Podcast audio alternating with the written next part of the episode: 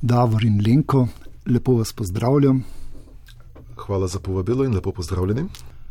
O počitnem dejstvu, da je roman Trigger, trenutno vaš zadnji roman, uh -huh. če postavimo to dejstvo v oklepaj, me zanima, kakšno mesto ima v vašem opusu. Verjetno roman, ki sem ga pisal z največjo muko, oziroma težkobo, bom rekel. To je vendarle roman, uh, ki sem ga na neki način napisal dvakrat, ki sem ga pisal v zelo, uh, v zelo težkih mentalnih stanjih. Ampak po drugi strani je to pa vendarle roman, ki me je tudi na neki način uh, reševal, mi je dajal tisto dnevno, vsakodnevno moljo, voljo in moč in energijo, da sem, uh, da sem bil produktiven, deloven, da sem se. Um, ja, da sem bil aktiven in, in da sem se držal skupaj. Če ni preveč osebno vprašanje, omenili ste tesnobo. Hmm? Kakšno tesnobo ste imeli v mislih? Uh, tako je, jaz imam tesnobo, za, težave s tesnobo pravzaprav že vse življenje, uh, je pa to res prešlo na, na plan z COVID-om. Tako da leto 2020, dobrošnji del leta 2021 je bilo, kar se tega tiče, z mano, z mano precej hudo. No? Uh, To je bilo pa seveda ravno v tem obdobju, ko sem, ko sem začel pisati in vse zadnje tudi končal pisati roman Trigger. Tako da na nek način je, je ta roman, kljub temu, da tematika je težka, kot je težka, uh, me je ta roman tudi na nek način reševal pred, pred temi mojimi tesnobnimi občutji in mi je dajal nekakšen smotr. Kako ste pisali roman, kako je nastal? Zdaj, v bistvu pot do tega romana je bila izjemno dolga in težka. Uh, jaz sem se s serijskimi morilci začel ukvarjati že leta 2014 uh, in sicer z namenom predstave, gledališke predstave, ki je potem tudi rezultirala v gledališču, gledališču Glej kot psiho. Potem sem pa nadgrajeval ta tekst za to predstavo in je nastala Cona. Cona je pravzaprav roman, ampak je hkrati tudi manifest morilca.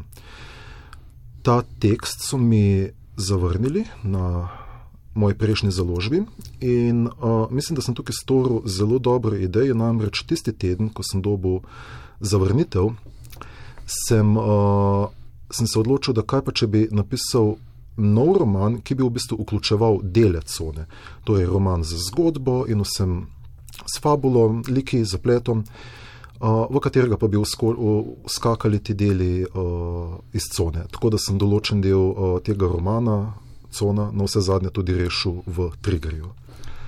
Zakaj vas nagovarja tematika oziroma motivika serijskih morilcev?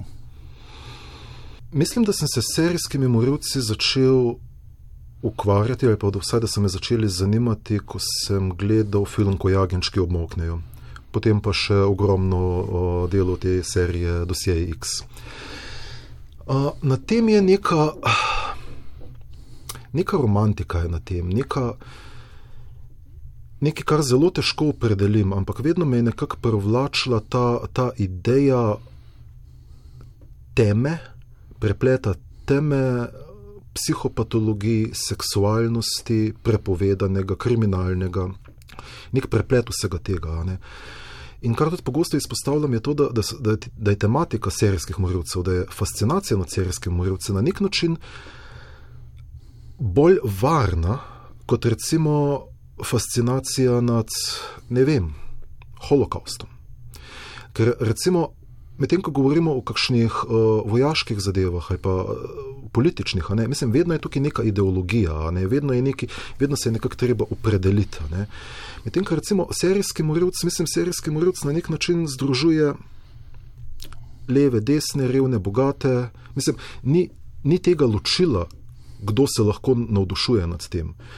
In uh, seveda, to sem tudi v samem romanu nekako poskušal pač povedati, sicer na nekoliko ironičen način, ne, da, je, um, da je to ves med. Da je fenomen serijskega morilca ves med različnimi sloji družbe, ne, da so nad politiko. Nad, to sem seveda mislil nekoliko ironično, ampak vendar v tem je nekaj resnice, se mi zdi. Kakšno mesto oziroma vlogo imajo ženske v tem univerzumu? Um, Mislim, da je že v moji prejšnji knjigi Psihoporn in tako v Triggerju kot v Soni uh, ključna beseda zabloda, kar se tiče odnosa do ženske oziroma mesto ženske, pomena ženske. Uh, namreč uh, v Triggerju, da nimo, je protagonistka mlada ženska, ki je precej, bom rekel, labilna. Uh, in ona je na nek način razpeta med dvema moškima, ki sta si pravzaprav zelo, zelo podobna. Eden je hud fetišist drugi je morilec. Um, bistvena razlika med njima je v bistvu pa samo ta, da eden, torej ta njen ljubimec, si upa uresničiti ta svoje hotenja, ta serijski morilec, pa ne. Ampak v bistvu gre za isto osebo. Oba dva pa nekako delujeta iz te strani malikovanja ženske. Um, ker na vse zadnje biti v podrejenem odnosu je vendarle odnos. In če ti potrebuješ odnos, je biti v podrejenem odnosu boljše kot ne odnos.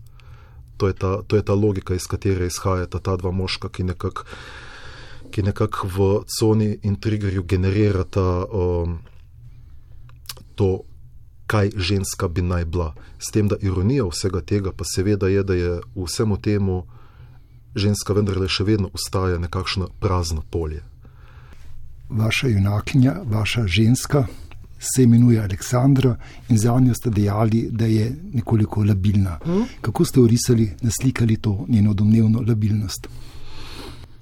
Jaz bi rekel, da je to nek, uh, neka literarna oseba, ki mi je mogoče postala že celo preveč domača in dvomim, da se bom k takšnemu tipu literarne osebe še vračal v prihodnje, predvsem zaradi tega, ker hoče biti izven svoje cone obdobja.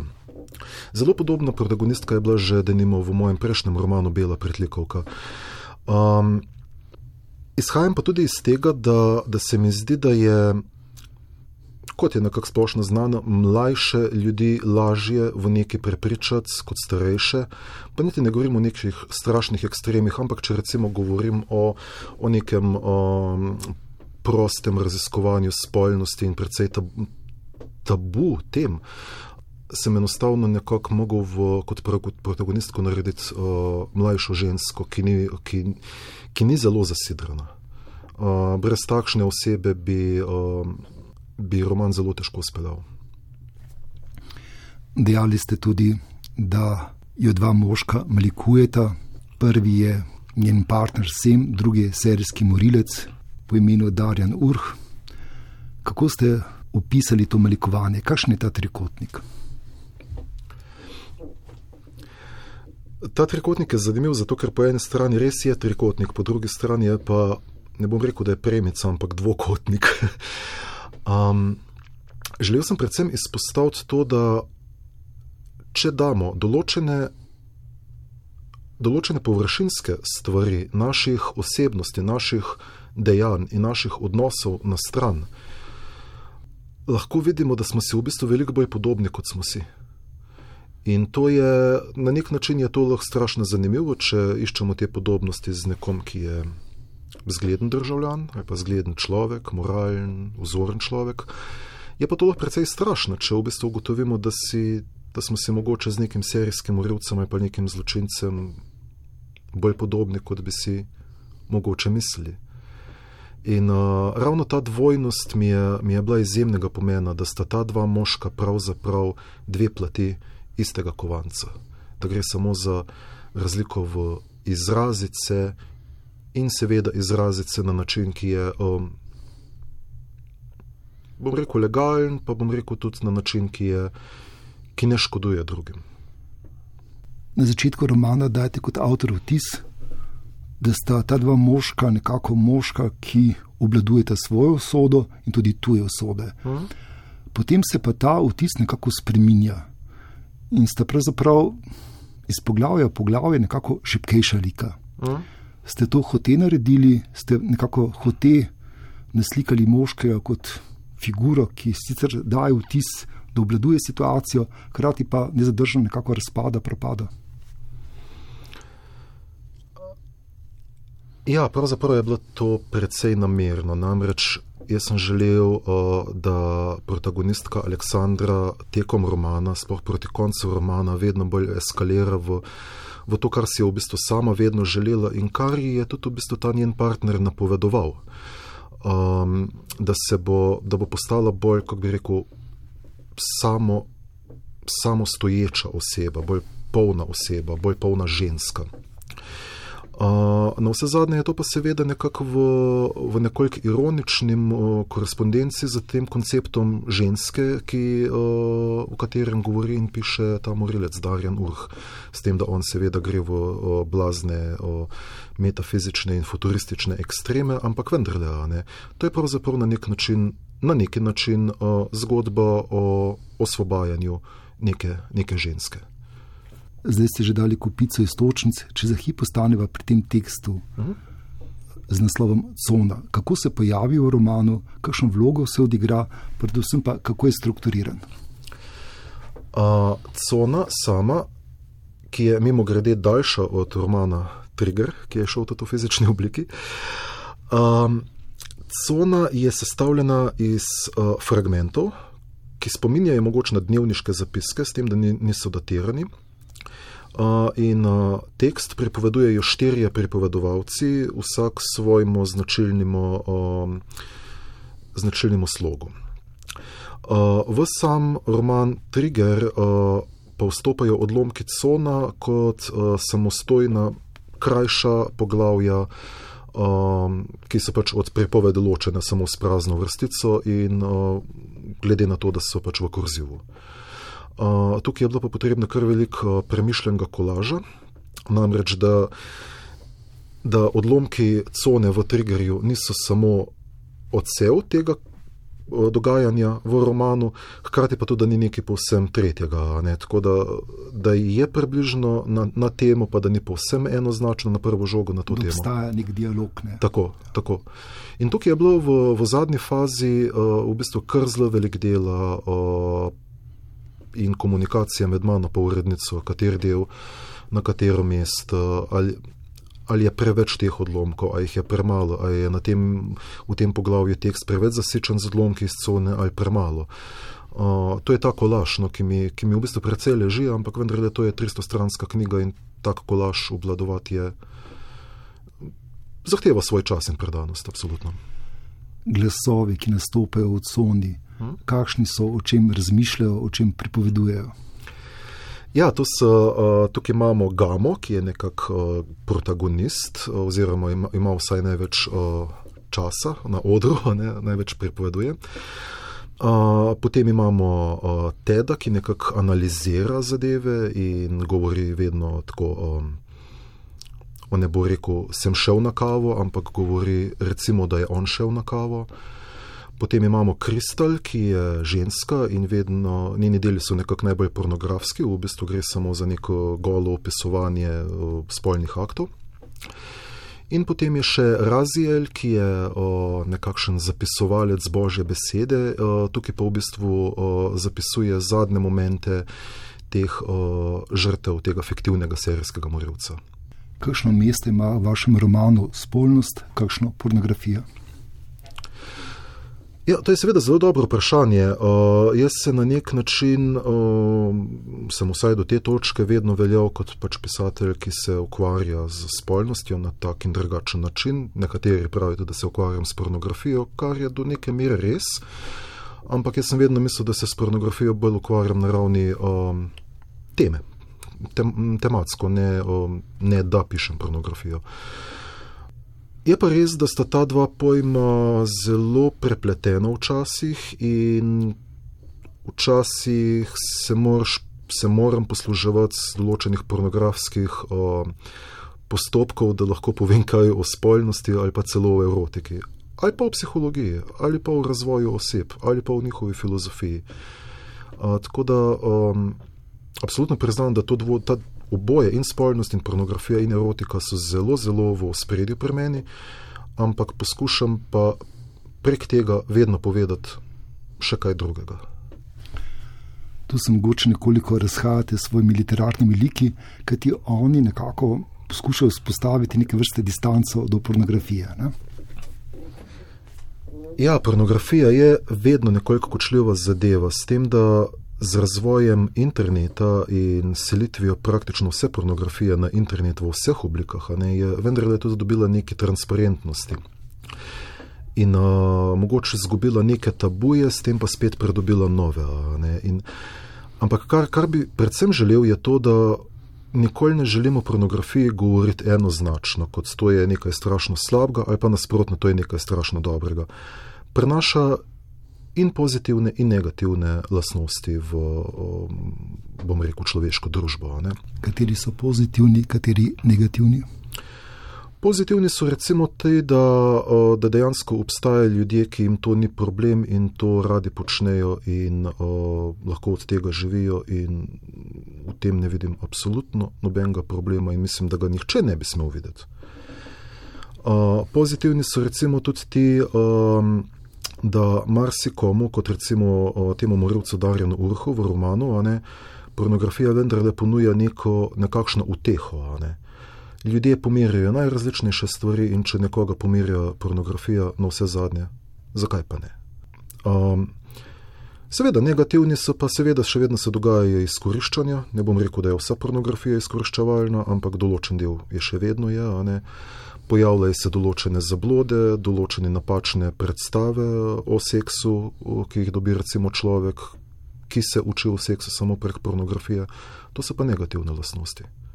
Prej ste omenili, kako ste pazili na dialoško naravo svojega teksta v sodelovanju z urednico. Hkrati pa obstaja neke vrste premočrtna linija, linija usode vaše ženske junakinje, antijunakinje Aleksandre.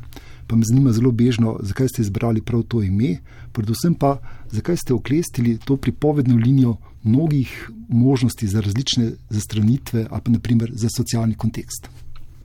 Lik Aleksandr je v bistvu prišel precej uh, naravno, kar se tiče imena. Mislim, da je bila prvotno mišljena kot Kristina, ker jaz zelo redko dajem svojim literarnim osebam, glede na njihovo imenik, večji pomen. Uh, potem pa bolj, ko je tekst uh, napredoval. Se upravičujem, njen partner je Adam. To verjetno ni na ključe, prvi partner. Ne? Absolutno. Absolutno. Uh, tukaj je ta biblijska, uh, biblijska analognost, ker uh, z likom Aleksandra, potem ko sem jih prejmoval v Aleksandru, ki mimo, grede uh, bi po nekih interpretacijah naj pomenila zaščitnica človeštva.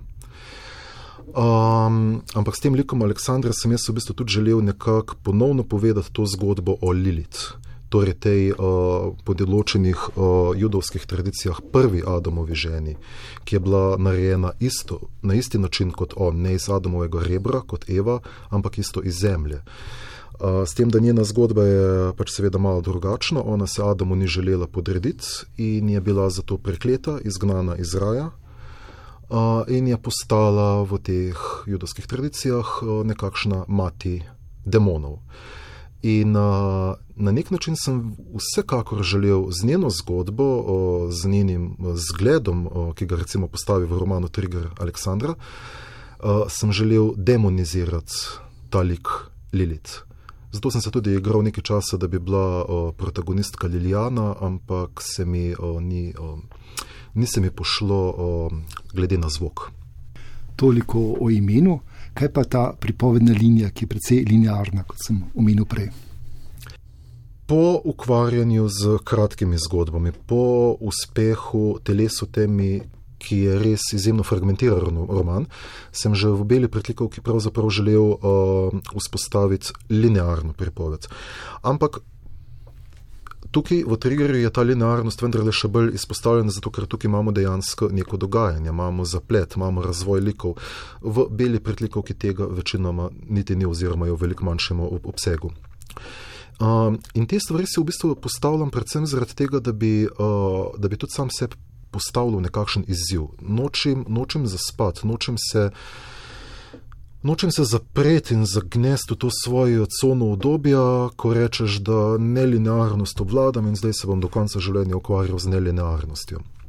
To ni, ni, ni zanimivo. In uh, zato sem tudi tokrat res želel imeti konkreten zaplet uh, s konkretnimi nihanji uh, in uh, linearno pripoved, v katero sicer še vedno skačejo ti odlomki cone, ampak. Uh, to seveda ne vpliva na, na, linea, na, na linearnost.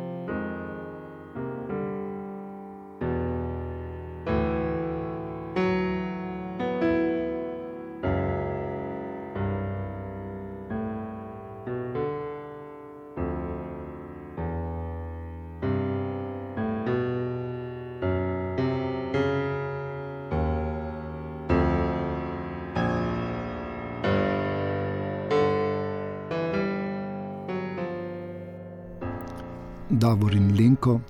Pogovarjava se o vašem romanu z naslovom Trigger in predvsej ste že povedali. Med drugim ste tudi omenili dvakrat, da ne želite biti v coni obdobja. In me zanima, kaj je bil največji pisateljski ziv pri pisanju tega romana. Držanje vseh informacij v glavi. Ker to vendarle nista, ni en roman, ampak sta dva romana.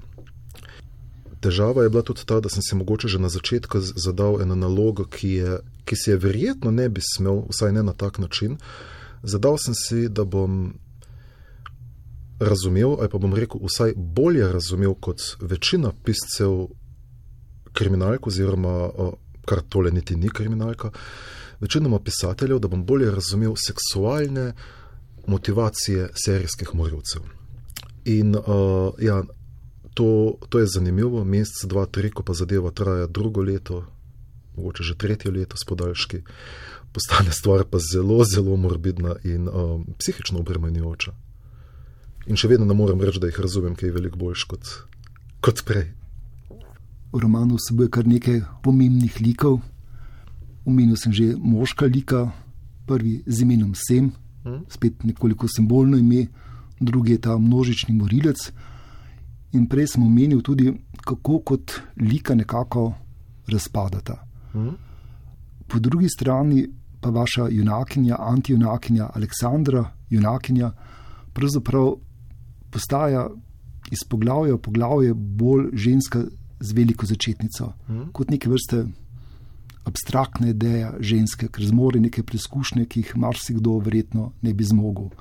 Pa me zanima, ali ste že na začetku romana vedeli za te premene. Ne. ne. Uh, prvotna ideja romana je bila v bistvu, uh, da pripeljem zgodbo do te točke, ko niti ne do te točke, da se protagonistka in uh, morilec srečata v tej varovani psihiatrični ustanovi, bi sem v bistvu nameraval zgodbo končati že prej in sploh, da se nikoli ne srečata, da ta morilec s tem manifestom samo nekako bdi nad uh, odnosom med uh, njo in uh, semom, tem njenim ljubimcem. Kot neke vrste nadjas. Tako je. Ja. Ampak potem uh, tekom pisanja sem pa ugotovil prvič, da bi to bilo količinsko precej malo in drugič, da ni toliko zanimivo, in da bi v bistvu želel vendarle se malo, malo, malo približati kriminalki, s tem, da pač odstranim detektiva in damo boževalko na, na to mesto. Ne. In od takrat naprej je, je, je pisanje res teklo in uh, se, se odprle vse možne nove, nove, nove ideje, novi, nove intrige, nove možnosti, na katere prej niti pomislil nisem. In to je bila res, res, res, res dobra ideja v smislu moje, moje ustvarjalnosti, mojega zagona še za hip, če ostaneva pri vaši coni obdobja. Povedali ste, kako ste razvijali zgodbo romana. Me zanima, ali ste kot avtor mogoče imeli kakšen občutek, da je pa zdaj meja, čez to mejo pa ne smem iti, ali pa ravno obratno, ko ste mogoče trčili v kakšno mejo, ste takrat šele kot avtor pravzaprav oživeli. Ja, te meje so vedno zelo zanimive.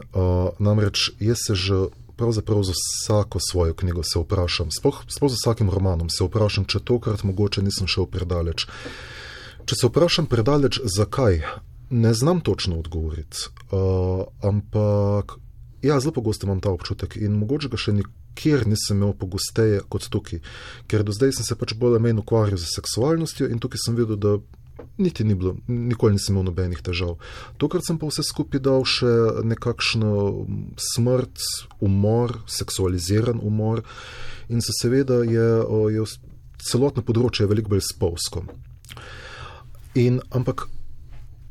Ja, dejansko sem se nekajkrat vprašal tekom pisanja Triggerja in Cone, če ne grem predaleč, ampak veste, na kaj sem se pol spomnil?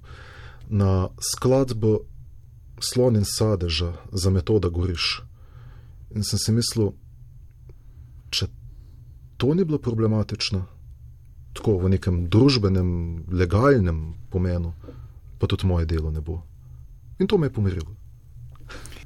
Bi nam prosim prebrali kratek odlomek iz svojega romana. Uh mhm. -huh. V kriminalkah preiskovalci pogosto najdejo dnevnike serijskega morilca. Ta motiv deluje predvsem v smeri dokončne utemeljitve morilčeve blaznosti. Po odkritju njegovih zapiskov ne sme biti več nobenega dvoma o njegovi norosti. Morenje samo očitno ni dovolj dober in jasen znak blaznosti, to postane neizpodbitno šele s tekstom, morilčevim tekstom. Vse to priča o moči besede in moči teksta. Šele z odkritjem njegovih zapiskov, morilec in njegovo delo postaneta zares resnična. Resnična pa postane tudi njegova blaznost. Blaznost je ena izmed tem v vašem romanu.